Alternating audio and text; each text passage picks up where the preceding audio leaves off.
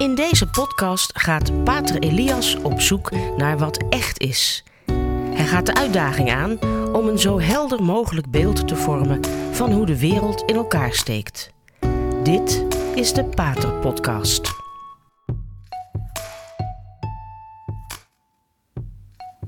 Deze week is de goede week van het jaar 2022. En het is misschien wat moeilijk om ons te richten op het mysterie van Pasen, het lijden en sterven van onze Heer Jezus Christus, die verrezen is en die de wereldgeschiedenis ten einde brengt. Nu, vandaag, ook nu, terwijl ik dit opneem en ook nu, terwijl u zit te luisteren. Het is heel moeilijk om ons niet te laten afleiden door de evenementen die er in de wereld gebeuren. Die wereld die zijn eigen geschiedenis heeft, maar die de wereld is die Jezus Christus ten einde heeft gebracht. Het is moeilijk om ons niet te laten afleiden door de manier waarop de media vandaag de dag niet alleen verslag geven van wat er gebeurt in deze wereld. Maar ook de manier waarop de media die gebeurtenissen interpreteert. Het is heel moeilijk om je daarvan onafhankelijk op te stellen.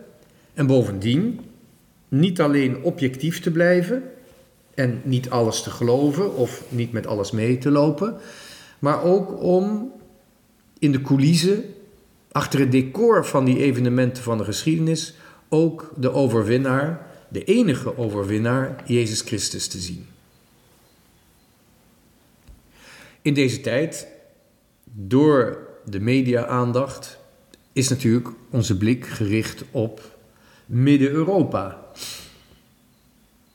Tussen Oost en West van Europa is weer een oorlog gaande, een bloedige strijd, een vredestrijd. En het is makkelijk om dan je aandacht zo te laten afleiden dat je gaat zeggen: er is niets veranderd in de wereldgeschiedenis. Inderdaad, uiterlijk lijkt het alsof er niets is veranderd.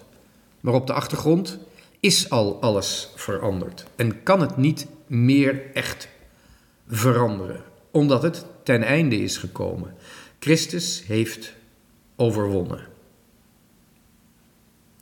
Nu Rusland in deze oorlog en ook Moskou, het patriarchaat, de orthodoxe kerk van Rusland, een grote rol hierin speelt, die voor ons moeilijk te begrijpen is, maar die wanneer je van nabij bekijkt en ook er vanuit een wat dieper perspectief kijkt, die rol blijkt dan heel groot te zijn van die orthodoxe kerk.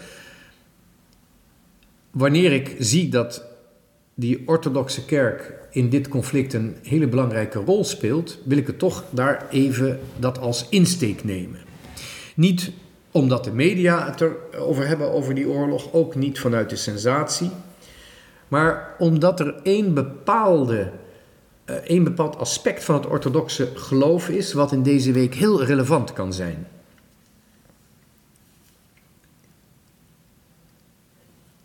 Er is vanuit die orthodoxe kerk vaak kritiek geleverd op het Westen.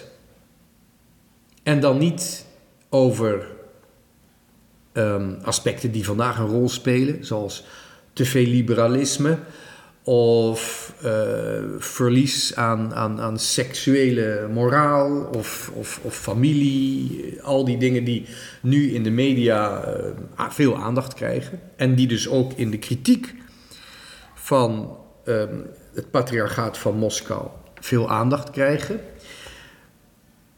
Maar een veel dieper perspectief. Ik wil eigenlijk helemaal geen aandacht besteden aan wat de patriarch en zijn rechterhand Filaret, wat die nou vandaag de dag over het Westen of over het westelijke christendom te zeggen hebben.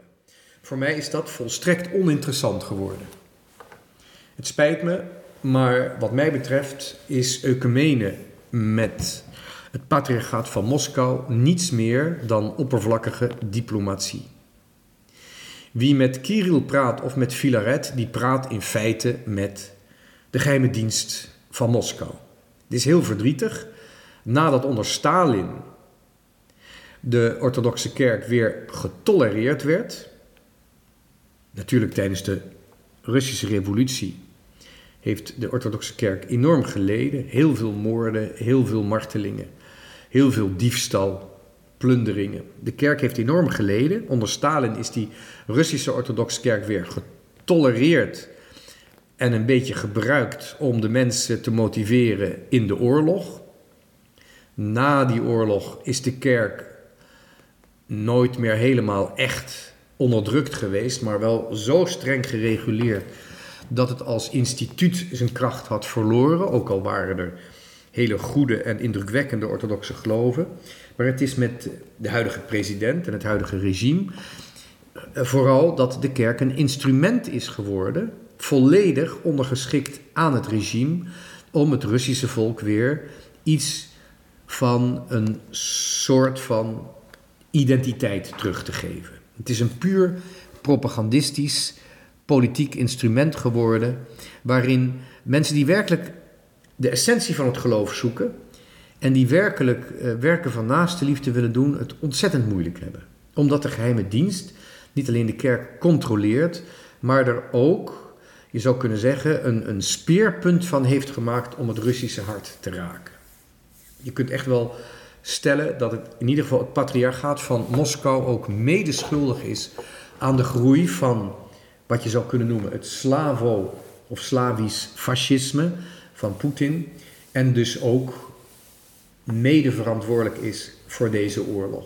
Dat wil niet zeggen dat er ook hele uh, goede uh, of, of ja, diepgelovige Russische orthodoxen zijn, maar die zijn eigenlijk in de huidige situatie verdwaald.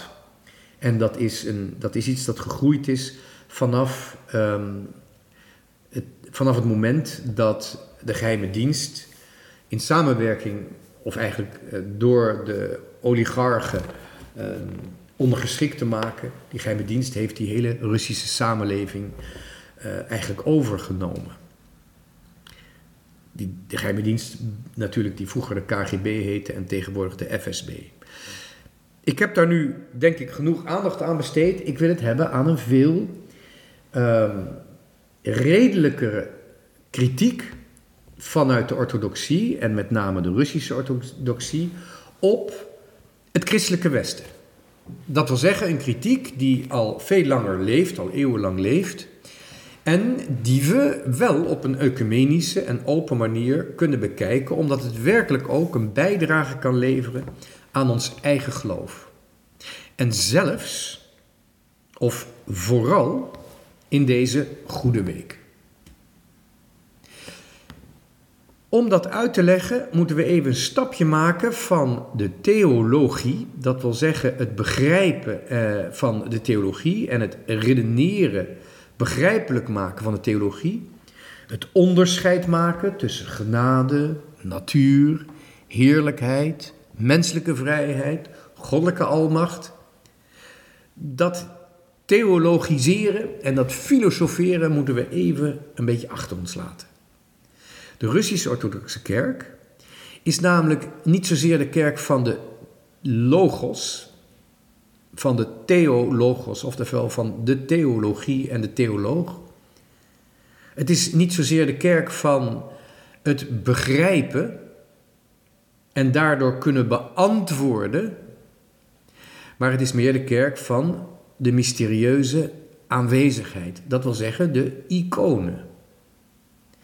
De Russisch-Orthodoxe Kerk, de kern van dat geloof ligt in de iconen, veel minder dan in de theologie. Vandaar ook, en dat is voor ons misschien moeilijk te begrijpen, kun je in, in de Russische orthodoxie kun je natuurlijk foute dingen zeggen, maar veel belangrijker is eigenlijk dat je ook dingen op een foute manier kunt afbeelden. Een icoon wordt, zowel in het Grieks als in het Russisch, wordt die geschreven. Het wordt niet geschilderd of geverfd, maar het wordt geschreven. Het zegt een bepaalde beeldtaal over het mysterie. Het mysterie van God die ons ziet. Die icoon is niet zozeer een afbeelding waar wij naar kijken, maar het is een afbeelding waar wij naar kijken om tot het besef te komen dat er iets, iemand naar ons kijkt. Er is een beeldtaal die geschreven wordt in die icoon, zodat wij steeds meer gewaar worden van een heilige, mystieke aanwezigheid van een persoon die ons ziet en die ons lief heeft. Er zit dus bijna iets sacramenteels in de icoon.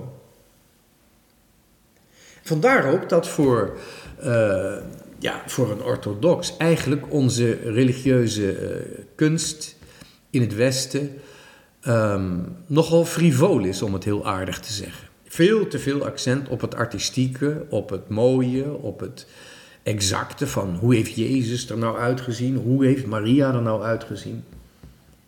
En onze kunst kan dus ook ketters worden. Onze westelijke religieuze kunst kan leugenachtig worden. Het kan dingen gaan doen die niet in overeenstemming zijn met het geloof. Omdat wij niet alleen geloven dat Jezus de Zoon van God is, omdat wij niet alleen geloven dat Jezus het vlees geworden woord van God is, en dat laatste heeft vooral een accent gekregen in het Westen. Dat Jezus de Zoon van God is, is eigenlijk zowel bij katholieken als orthodoxen een kern gegeven. God is, Jezus Christus is Zoon van God. God is Zoon, de Zoon is God en mens geworden in Jezus Christus. Dat krijgt dus vooral de, um, het accent in het Westen. Maar Jezus is ook het beeld van de Vader. En dat is dan weer een thema dat veel verder is uitgewerkt in het orthodoxe geloof. Verdiept, uitgebreid, nage, zou zeggen, ontwikkeld als mysterie in de orthodoxe kerk. Dat wil zeggen, we zijn het allemaal over eens, Jezus is de zoon van God en hij is God. Maar in het Westen heeft de logos, het woord, heeft meer nadruk gekregen. Terwijl in het Oosten, met name in Rusland, het beeld van God meer nadruk heeft gekregen. En dan kan ik er nog bij zeggen dat door de eeuwen heen, met name tegen Jezus Christus als woord van God, het eeuwige woord van God, is vlees geworden in Jezus Christus. Dat woord, heb je af en toe het gevoel, is door het Oost, het, althans de Russische orthodoxie, ook eigenlijk wel een beetje afgewezen. Door die specifieke kenmerken van uh, de Russische kerk is het ook binnen die kerk altijd een enorme controverse geweest of je de Vader mag afbeelden. Het is pas sinds onze Renaissance dat men in de iconografie en in de kerkelijke kunst de Vader is gaan afbeelden, stap voor stap. Eerst door alleen een vinger of een mond van de stem, maar later ook werkelijk met een gezicht. Een gezicht dat op dat van Jezus lijkt, maar wel met wat witter haar en een witte baard. Daar is veel controverse over geweest in de Russische kerk. De ene keer mocht het wel, de andere keer niet. Maar uiteindelijk is men het erover eens dat het eigenlijk een iconografische heresie is. Oftewel, ketterij uitgebeeld in een icoon. Niet uitgedrukt in woorden die begrijpelijk zijn, maar in beelden die het mysterie naderbij brengen. En als dat beeld dus niet klopt, kan het mysterie niet dichterbij komen. En dat geldt heel in het bijzonder voor de afbeelding van de Vader. En het is goed om daar in deze week even heel goed bij stil te staan. Het is juist in onze tijd van de zogenaamde verlichting, als je erover nadenkt is het meer verduistering, maar dat is een ander hoofdstuk. Juist in de tijd van de verlichting is het eigenlijk een gewoonte geworden in het Latijns-christelijke Westen om ook de Vader af te beelden. Dat is dan vooral omdat er in het Oude Testament, Oude Testament sprake is van een grijsaard met een witte baard. In bepaalde visioenen van Daniel. Maar het is nog maar de vraag. Of trouwens ook Ezekiel, moet ik even weer opzoeken. Maar het is nog maar de vraag of dat werkelijk de vader is. je krijgt een, een grijsaard en een tijdje daarna een mensenzoon. Het is misschien wat kort door de bocht om direct te zeggen: oh, dan is die een de vader en de ander is de zoon. De symboliek van het Oude Testament is een voorbereidende symboliek op Christus. En het is wat kort door de bocht om direct dat zo te interpreteren. Om het zo te interpreteren dat het als het ware past in het christendom. In ieder geval, vanaf de Renaissance zie je vaak, en met name in de tijd van de verlichting, zo de, de, de 18e eeuw, zie je heel veel afbeeldingen van de Vader. En dat is een iconografische heresie, oftewel een icoon van een ketterij. En in de orthodoxie heeft men dat sneller begrepen dan in het Westen omdat Christus heel duidelijk zegt: Wie mij ziet, ziet de Vader. Het wordt zelfs aan Christus gevraagd: Heer, toon ons de Vader. Maar het enige dat Jezus antwoordt: Wie mij ziet, ziet de Vader. En dat betekent dus dat als wij in de bekoring komen om een plaatje te maken van de Vader, dan moeten wij weer ons herinneren dat we aan Christus genoeg moeten hebben. Ten eerste moeten we gewoon luisteren naar wat Christus zegt. Wie mij ziet, ziet de Vader. We moeten luisteren naar de kerkvaders, met name Johannes Damascenus, die heeft moeten rechtvaardigen waarom we afbeeldingen van God mogen maken. Dat kan uitsluitend en alleen maar door Jezus Christus, de mensenzoon. Niet alleen een gebod van de Vader, maar ook ons gezond verstand. Kan ons doen begrijpen dat je de Vader nooit moet afbeelden. God is onafbeeldbaar. Gods essentie is onuitspreekbaar, is niet te definiëren. En dus moeten we dat ook ons weer in gedachten brengen voor God de Vader. Symbolen mogen we altijd gebruiken, maar het een afbeelding van een gezicht van de Vader is absurd. Het laat zien dat je niet genoeg erop vertrouwt dat God in vol, zijn volheid volledig aanwezig is in Christus. In feite, als je de Vader afbeeldt, zeg je: er zijn twee goden. Als je de Vader afbeeldt, dan is Christus dus ineens niet meer God. En dat is een heresie.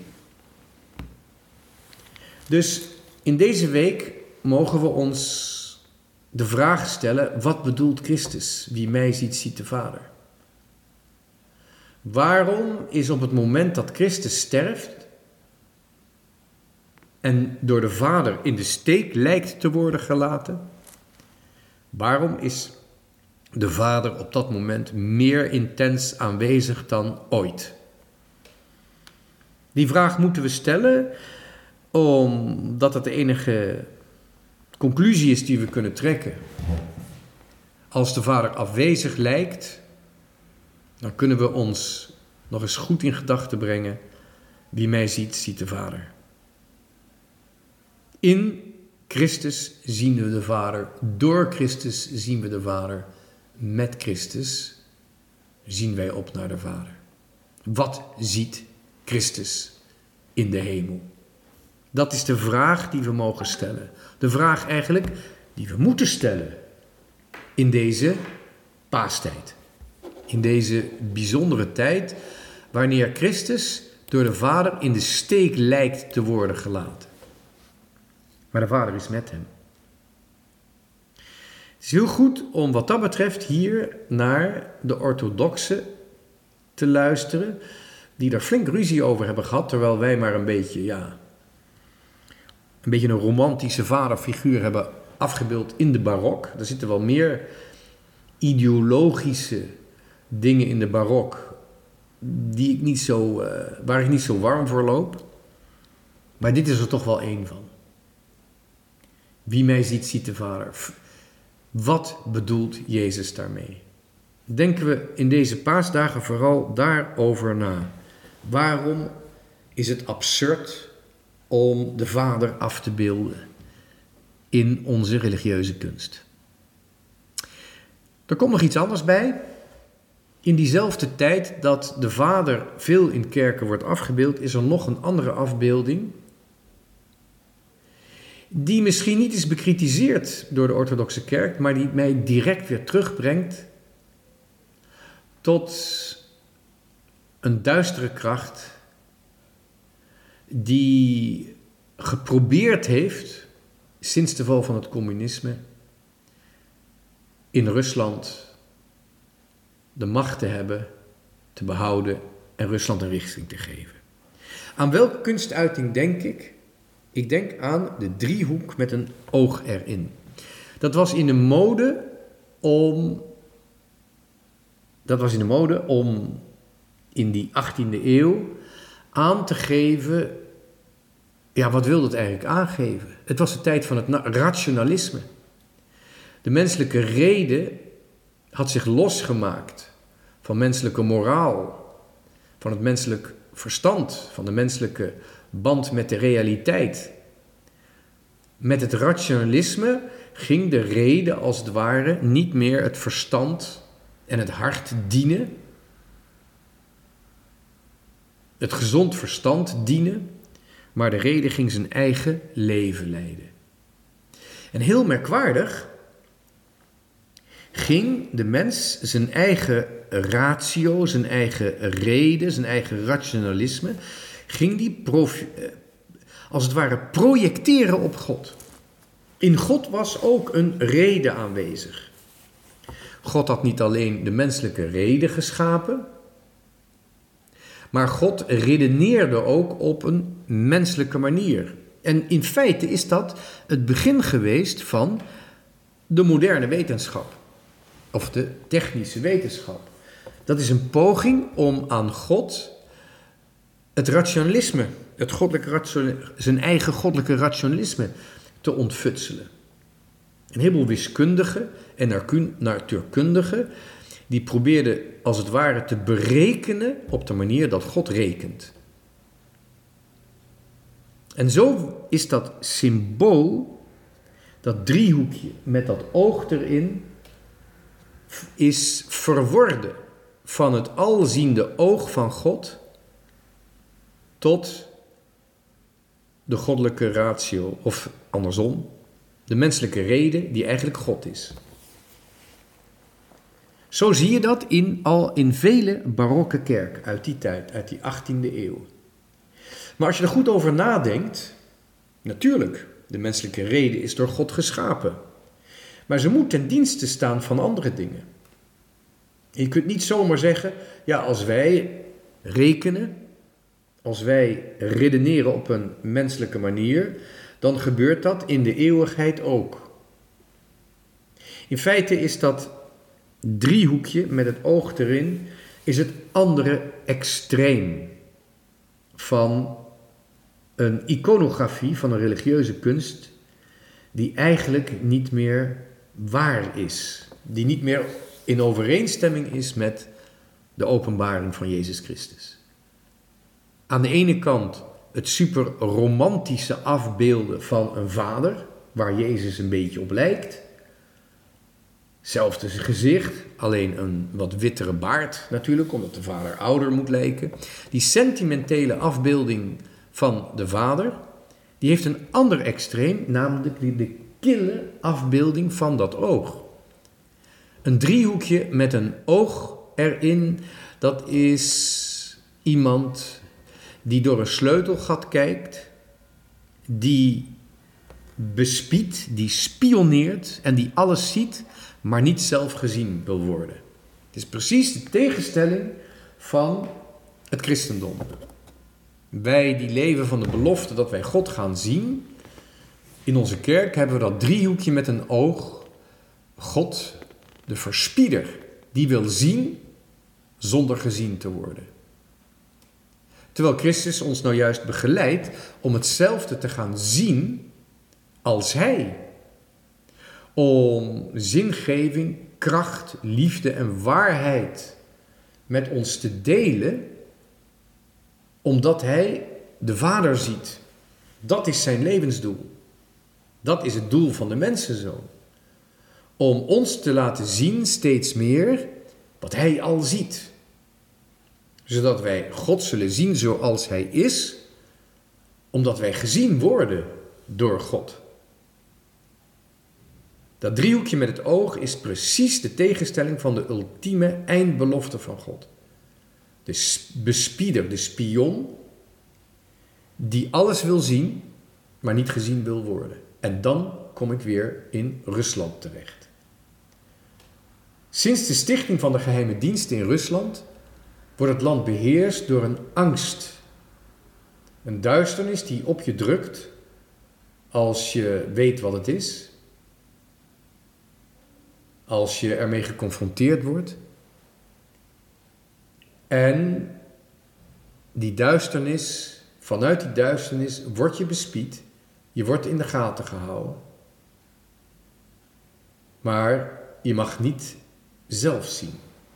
Je hebt niet de volledige vermogens om te zien door wie je gezien wordt.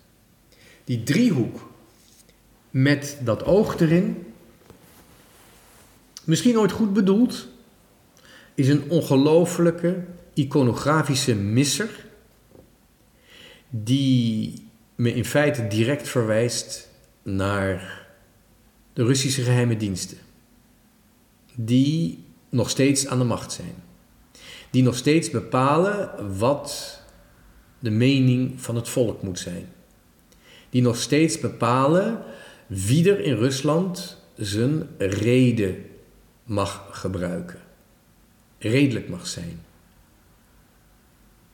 die mag beredeneren En uiteindelijk is dat dus het oog van de duivel. Het oog van de duisternis.